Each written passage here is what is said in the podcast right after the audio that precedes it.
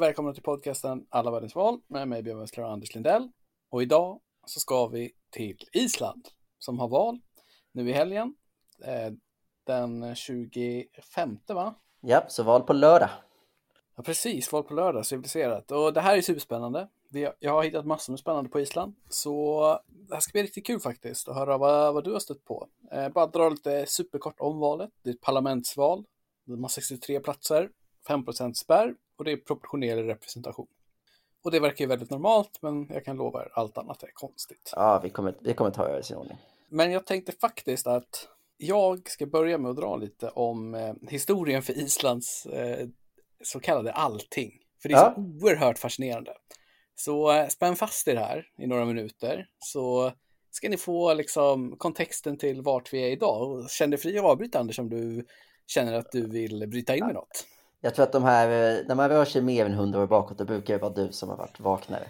På ja, och vi kommer röra oss mer än tusen år bakåt. Så det är ju skönt. Nej, men Alltinget, som då är grundat år 930 på platsen Pingvilir, som idag är ett område som är ett världsarv och det blev en nationalpark redan 1930. Och det anses då vara världens äldsta kvarvarande parlament på något sätt. Men eftersom det inte har varit parlament hela tiden, vilket jag kommer berätta för er snart, så tycker jag det där är bullshit. Man kan liksom inte ha en rekordstreak och sen bryta den och plocka upp den igen. Så funkar det inte. Nej, just det. Men det har varit, det började, det var ett parlament i slutet på 900-talet. Ja. Första gången i, på exakt den här platsen. Eh, ja, på Pingviliria. Nu är ju parlamentet i Reykjavik. Ja. Det här ligger ungefär 45 kilometer från Reykjavik. Right. I alla fall Island. De första islänningarna är nästan alla norrmän. Och många har dratt till Island för att komma undan problem i Norge.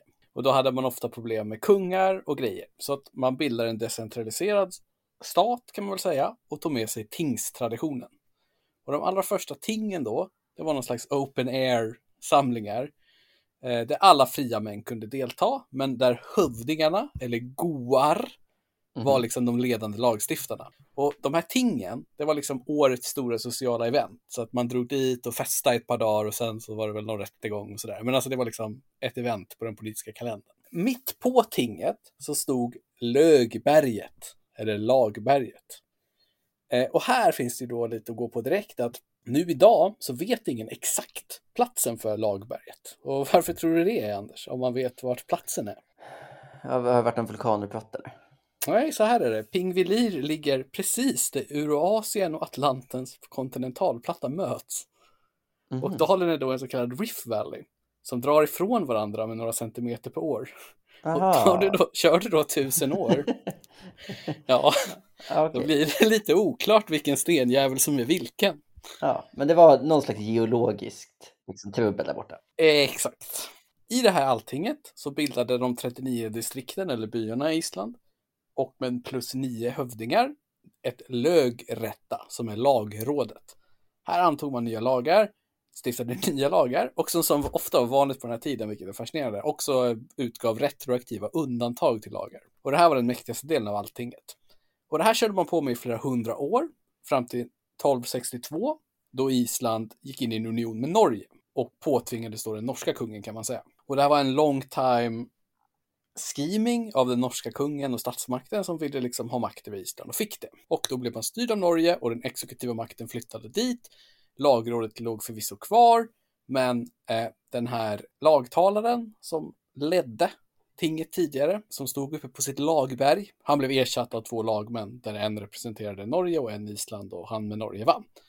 Så att Norge liksom styrde, men man hade kvar systemet. Men mot slutet av 1300-talet så dör den norske kungen. Och han dör hela hans ett och Norge tvingas in i Kalmarunionen och blir då en del av Danmark eftersom de leder Kalmarunionen. Och Danmark behövde varken ull eller fisk, som var det Island sålde, så att Island blir istället jättefattigt. Och alltinget reduceras till att bara vara ett domstolsväsende. Och så pågår det fram till 1800-talet, då det upplös och en ny högsta domstol etableras i Reykjavik.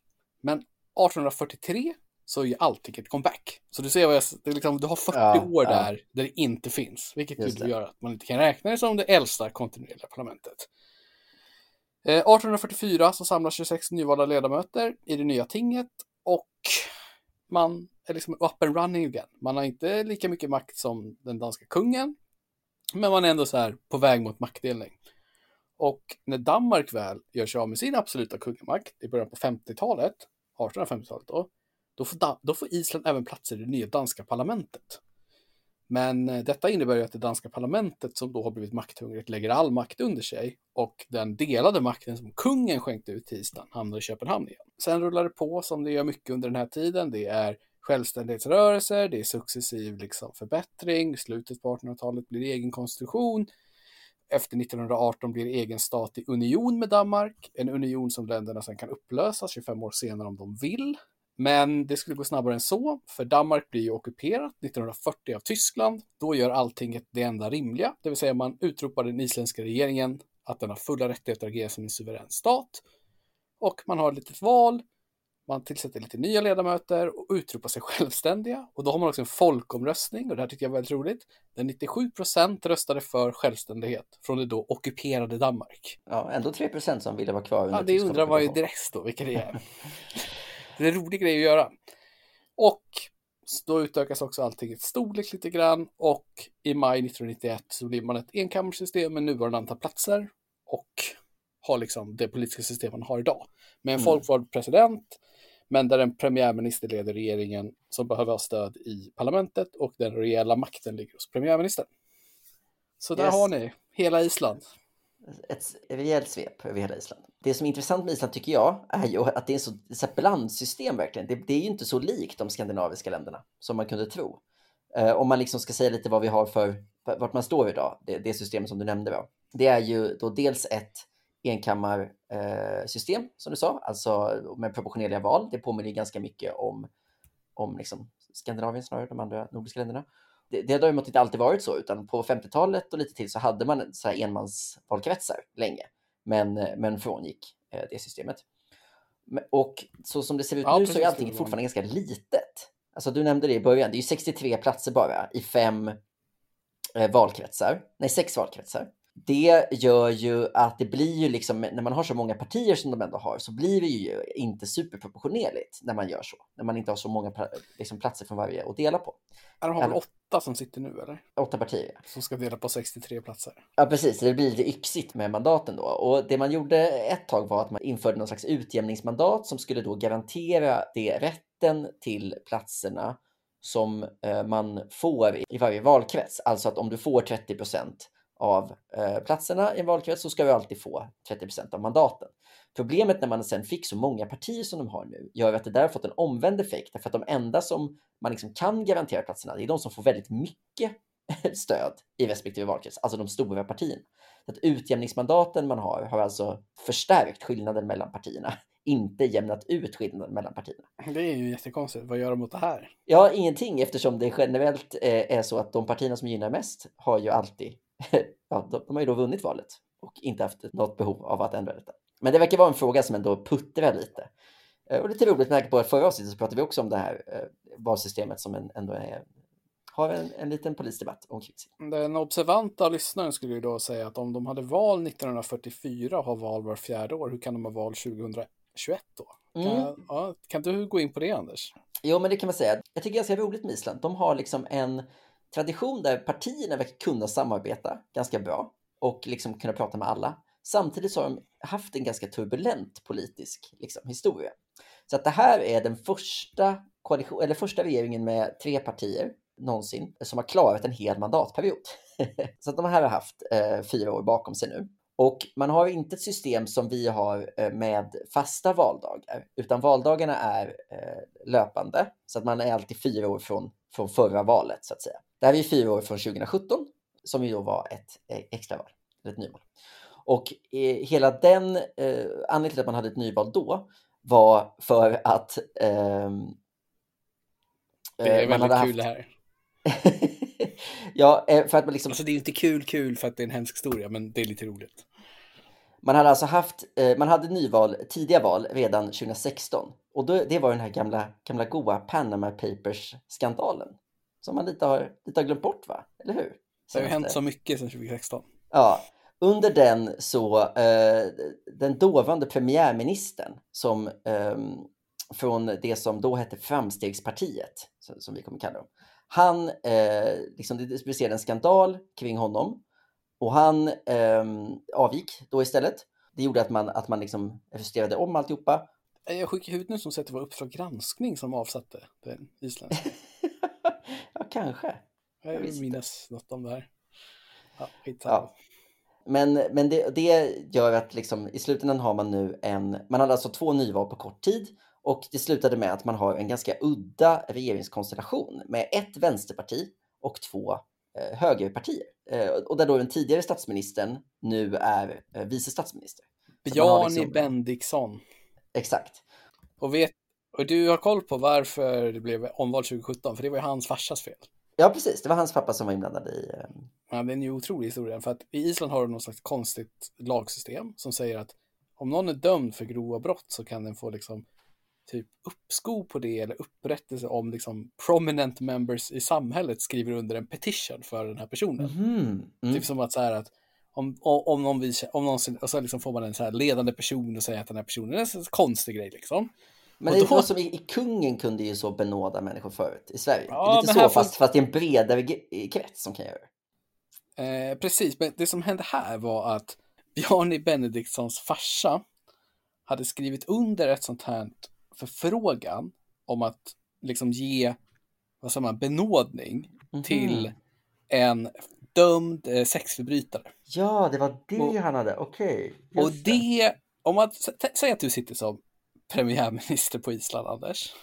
Du försöker göra ditt jobb, du har just funnit ett val och så kommer justitieministern in till dig och säger du, har du koll på att din farsa skrivit under det här brevet där han vill att den här mannen som har våldtagit sina barn ska släppas fri från fängelset? Visste du det eller har han bollat det med dig? hur, hur reagerar du då? Ja, det är, det är ändå svettigt. Bjarni Benediktsson reagerade inte så bra för det för han bestämde sig för att hålla käft om det. Ja. Så kom det såklart fram. Varför, varför skulle det inte ha kommit fram? Och då blev hans allianskollegor då, då tappade de förtroendet för honom.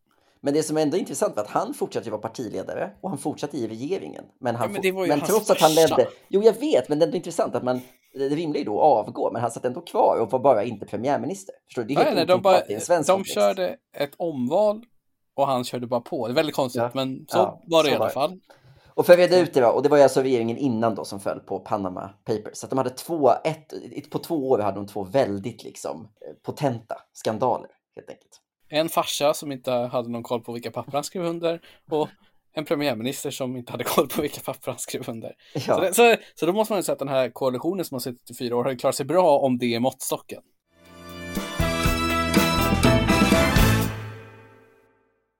Och vi kanske ska gå in på dem nu så vi kan gå igenom alla, alla partierna. Ja, absolut.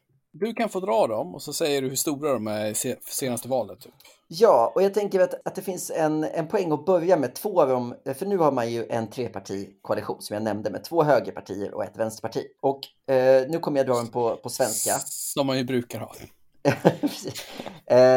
eh, om man drar på liksom den svenska översättningen av, av man kan hitta, så finns det då ett parti som heter Självständighetspartiet som är traditionellt då det stora liksom, eh, mittenhöger, liksom, konservativt eh, parti. Ja, jag bildat där... liksom för hundra år sedan i kampen mot danskarna. Liksom. Exakt. Mycket så här, credentials. Verkligen. Ja, och de har typ alltid varit störst och liksom har verkligen varit eh, statsbärande parti på det sättet. Och det är där då Bjarne Bendixson är partiledare och tidigare varit premiärminister. De fick 25 procent i senaste valet, så att de är stora bärande partiet, men de är liksom inte så dominanta sett till andelen röster. Sen så finns det då det som traditionellt sett har varit det näst största partiet, som man kan kalla liksom framstegspartiet. På engelska brukar man översätta det progressive party. Det är, det är liksom ett liberalt parti som också har en tidigare premiärminister som partiledare som heter Sigurdur Ingi Johansson. Och de har ungefär 10, 10% fick de sist. Och det är också ett parti som har funnits jättelänge som sagt, sen, sen början av ja, drygt 100 år, även de. Och de styr då eh, nu med det liksom stora vänsterpartiet som inte här är Socialdemokraterna utan som snarare då är eh, liksom, de heter Vänsterpartiet de gröna. Så det är liksom ett, ett, ett, eh, ett grönt vänsterparti. Och där, Vinstrigrin. Ja, och deras eh, partiledare Katrin Jakobsdottir är eh, sittande premiärminister som det är nu. Eh, det är ju ganska roligt med Island. De har ju haft, de har ju verkligen varit en föregångare med liksom tidiga eh, kvinnliga ledare. Alltså tidig både president och eh, tidigt en kvinnlig ja, premiärminister. Hade de inte en väldigt tidig kvinnlig president? Eller? Jo. En av de första valda kvinnliga presidenterna i världen. Exakt, exakt. Den här koalitionen då som vi ska säga, den, de har inte deklarerat att de går i val som en ny, som en koalition nu och vill ha nytt mandat per se. Nej. Utan det de har sagt är att de är öppna för samma lösning. Men alltså självständighetspartiet vill säkert ta tillbaka premiärministerposten. Liksom. Ja, precis. Och, och generellt. med, med Bjarnis farsa liksom har lagt sig här. Ja, det är väldigt intressant. Nej, men det som är, det som är intressant då är att sen så om man då ska nämna då att det ändå finns, det finns ett parti som heter liksom Samlingsfronten ungefär, som är det socialdemokratiska partiet. Och de eh, har varit ett, ett hyfsat stort parti som sedan har imploderat under 2000-talet. Så att de, de gick upp ordentligt i senaste valet 2017 och har väl varit lite på liksom frammarsch. Och de har haft, haft regeringsmakten någon gång, men inte liksom som ett nordiskt socialdemokratiskt parti som är, liksom har burit, burit landet på det sättet. Och sen så är ju det, det andra liksom riktigt intressanta partiet är ju det som har kallats som kanske ska översättas till liksom Centerpartiet, som är deras liksom, vad ska man säga, landsbygdsparti, men som också har tagit rollen som någon slags populistparti i den här rörelsen. Och vad är det som är intressant med dem? Jo, deras partiledare är ju också en tidigare premiärminister. Jävlar vilken, vilken all-star-lista. Exakt! Det och det är ju Panama Papers-killen. Så han var ju alltså tidigare premiärminister för Progressiva partiet som eh, avgick då 2016 efter det. Så då, då blev han utkastad och det var liksom stort tumult. Han var den yngsta premiärministern någonsin. Ja, och så fick han avgå och sen eh, fick han då eh, mer eller mindre starta ett nytt parti och, och verka gå upp. Och vad jag förstår nu så i mätningarna så eh, går det lite sådär för eh, hans eh, parti. De verkar börja tappa lite igen och det är inte säkert att han kommer in nu. Men, men sist så fick de 10 procent och, eh, och sitter då som de vinner. Så det, det är liksom många 10 partier. Eh, och om jag ska nämna de andra, så har ju Island blivit lite känt för att de har ett piratparti som är, som är stort. Eh, också börjat tappa lite de senaste valet, men, men ligger på 9% sist. De hade 15 procent 2016, Piratpartiet. Mm, mm. Så att det var ganska nyligen som de var ändå. Ja, 15 procent är inte litet liksom. Nej, verkligen inte. Och sen de, de minsta partierna, de har två lite mindre, mm, vad ska man säga, mitten-högerpartier. Ett parti som brukar översättas Reformpartiet på strax under 7% som är liksom lite mer eh, klassiska liberaler kanske än, än eh, Självständighetspartiet. Eh, liksom, som, inte som en utbytargrupp från Moderaterna som är mer EU-vänliga och frihandelsvänliga. Det är typ deras. Och sen så har de någonting som eh, ett parti som brukar kallas Folkpartiet, men som är eh, typ liksom mer kristdemokrater och har drivit frågor om äldre och funktionshinderspolitik. Eh, är det de som är den här utsprängningen från Självständighetspartiet? Nej, utan det är snarare de här eh, Reformpartiet. Ja, just det. Just det så ja. Så det är kartan då, lite, eh, men det man, det man ska ha med sig är att det Vilken finns... Vilken rörig karta det här är. Precis, många partier, många omkring 10 procent och en, en tradition där man kan samarbeta över blockgränserna men också kan ha det ganska eh, ganska kaotiskt i politiken. Så kan man väl sammanfatta. Ja, alltså ska man, ska man läsa den senaste opinionsundersökningen från Gallup så ligger Självständighetspartiet på 21 procent. Mm. Sen har vi det här Vänsterpartiet som är statsminister nu. De ligger på 10, sossarna på 12. Oj. M som är Centerpartiet då, det här mm. populistiska, mm. på 6.